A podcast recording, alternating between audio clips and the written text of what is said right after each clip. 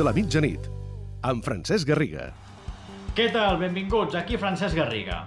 I aquí, Laia Tudel. S'acaba el 14 d'abril i sembla que coincidint amb l'aniversari de la Segona República Espanyola, Bartomeu avui ha d'estrenar nova directiva, la va reformar i avui entra en vigor la que seria la segona junta dins del mateix mandat, després de la fuga en massa de divendres passat. Sis directius li van marxar i Bartomeu ha reestructurat aquesta directiva.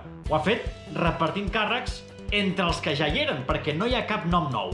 I el que veiem d'aquesta nova junta directiva és que són propers a Bartomeu, són propers al nucli dur, però també són propers a Sandro Rossell, perquè molts dels nous càrrecs són persones que o bé han treballat molt directament o que hi guarden amistat des de pràcticament sempre. Rossell va dimitir fa 6 anys, però la seva presència al club segueix forta, perquè l'Aia hi ha hagut un cap de setmana de Setmana Santa mogudet i avui encara amb un capítol nou. Sí, amb Rousseau vam deixar ahir, de fet, en un comunicat del Barça que s'anunciaven canvis a la Junta. En aquest comunicat també s'anunciava que emprendrien accions legals contra Emili Rousseau per aquelles declaracions que ha anat fent, entre elles eh, doncs acusar la Junta de posar la mala caixa. 24 hores després, què ha fet Emili Rousseau, l'ex-vicepresident institucional del Barça? Contraatacar i refermar-se en allò que, que va dir. Han és un comunicat en un web que després, si vols, en parlem d'aquest sí, web. Comento, sí, Sí, i, i en aquest comunicat el que fa és insistir en la idea que la corrupció, i ho posa en majúscules, existeix en el moment que es demostra que les factures i tres ventures es van fraccionar per no passar un control. Diu que tot el que ha dit és cert i demostrable i fa un pas més.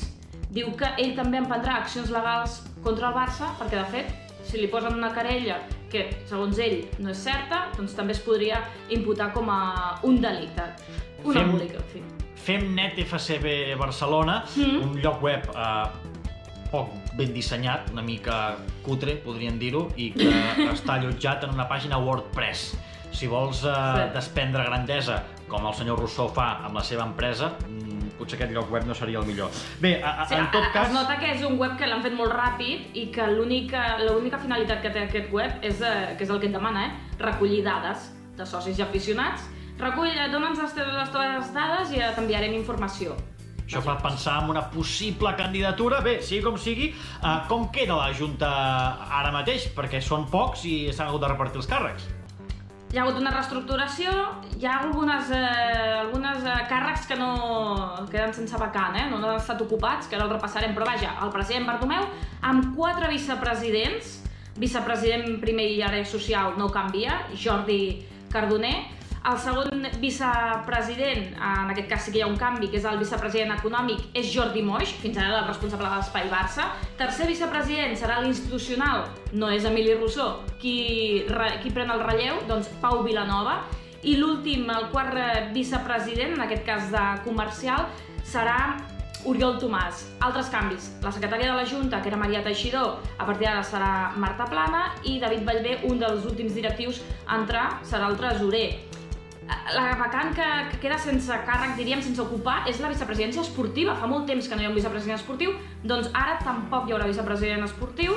Sí que és cert que hi havia candidats que ho volien ser, entre ells Xavier Vilajoana, el directiu, i Javier Bordas també. No es van posar d'acord, no va haver-hi consens. Javier Bordas queda com a responsable del primer equip, Xavi Vilajoana com a responsable de tot el futbol base amb el filial inclòs i també amb el Barça femení, però cap d'ells serà el vicepresident esportiu. Li hem demanat al Josep Maria Minguella que enmig d'aquestes vacances i que ha passat tanta cosa ens digui què li sembla la reestructuració, el futur, el present de la Junta Directiva del Barça. La veritat és que no m'ho esperava. Setmanes Santes abans eren unes coses tranquil·les, professons, pel·lícules... Ara, com que estem tots tancats, passen coses d'aquestes. Eh, Això de, de les directives, en general, quan les coses van bé, no passa res. Encara que hi hagi gent que estigui més o menys en desacord amb algunes coses, no passa res. Però el Barça està amb, un, amb, un de, amb una caiguda des de fa temps.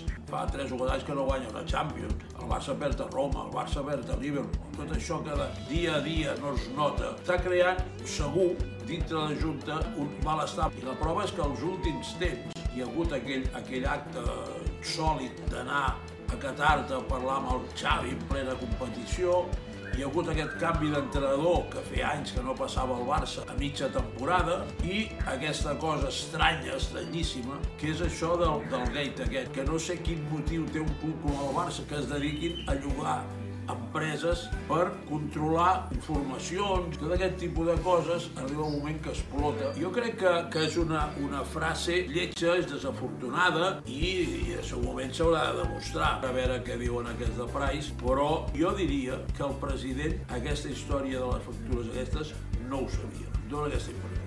I la vinculació personal de molts d'aquests directius que estan allà perquè són, són amics del Sandro més el president sobretot, doncs fa que parlin amb ell, que li preguntin i que ell digui la seva. Segur que té, que té influència el Sandro.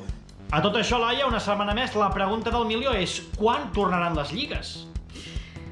Doncs eh, no hi ha res eh, confirmat ni oficial, però sí que cada vegada es van sabent coses, o com a, com a mínim les idees, la intenció que té cada lliga, cada país, la intenció de la Lliga Espanyola quina és, doncs que s'acabi la competició, segurament el gruix dels partits es jugarà al juliol, i es jugaran molts partits al juliol, però la idea i el que voldria la, la Lliga Espanyola és que es comencés tan aviat com fos possible al juny.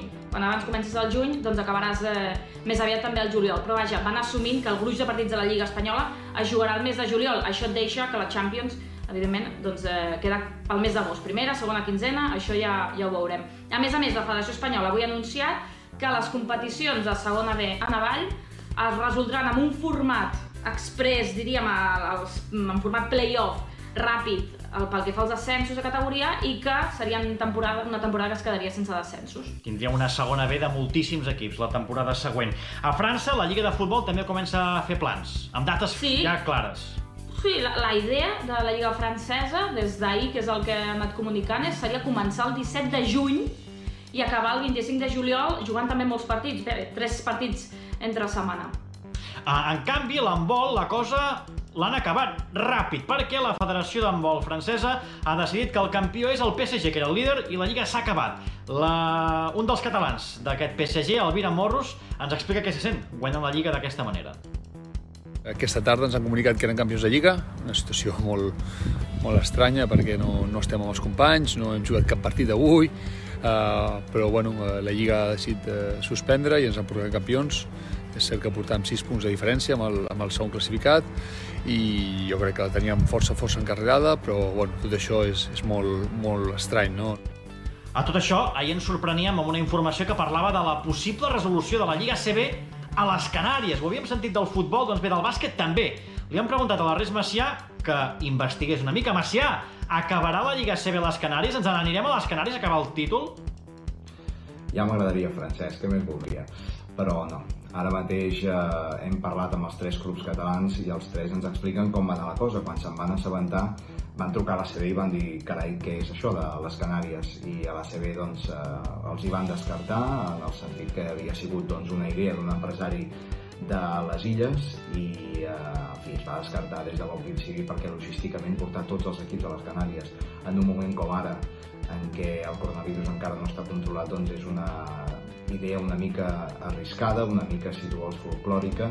Dilluns hi ha assemblea eh, no presencial, és a dir, reuneixen tots els clubs, suposo que fan un Zoom, eh, i parlen del tema dels possibles escenaris que hi ha de, per reprendre la competició o per liquidar-la i, però sembla ja que a hores d'ara està descartat per la mateixa CB eh, via interna comunicant-ho a clubs de que la cosa es faci pràcticament amb tota seguretat. Insisteixo, sí que és cert que hi va haver la proposta des de les Canàries, però la idea està, si no hi ha un canvi molt gran, està desestimada.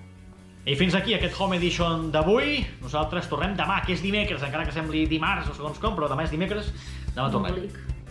Fins demà. Adéu-siau. Adéu.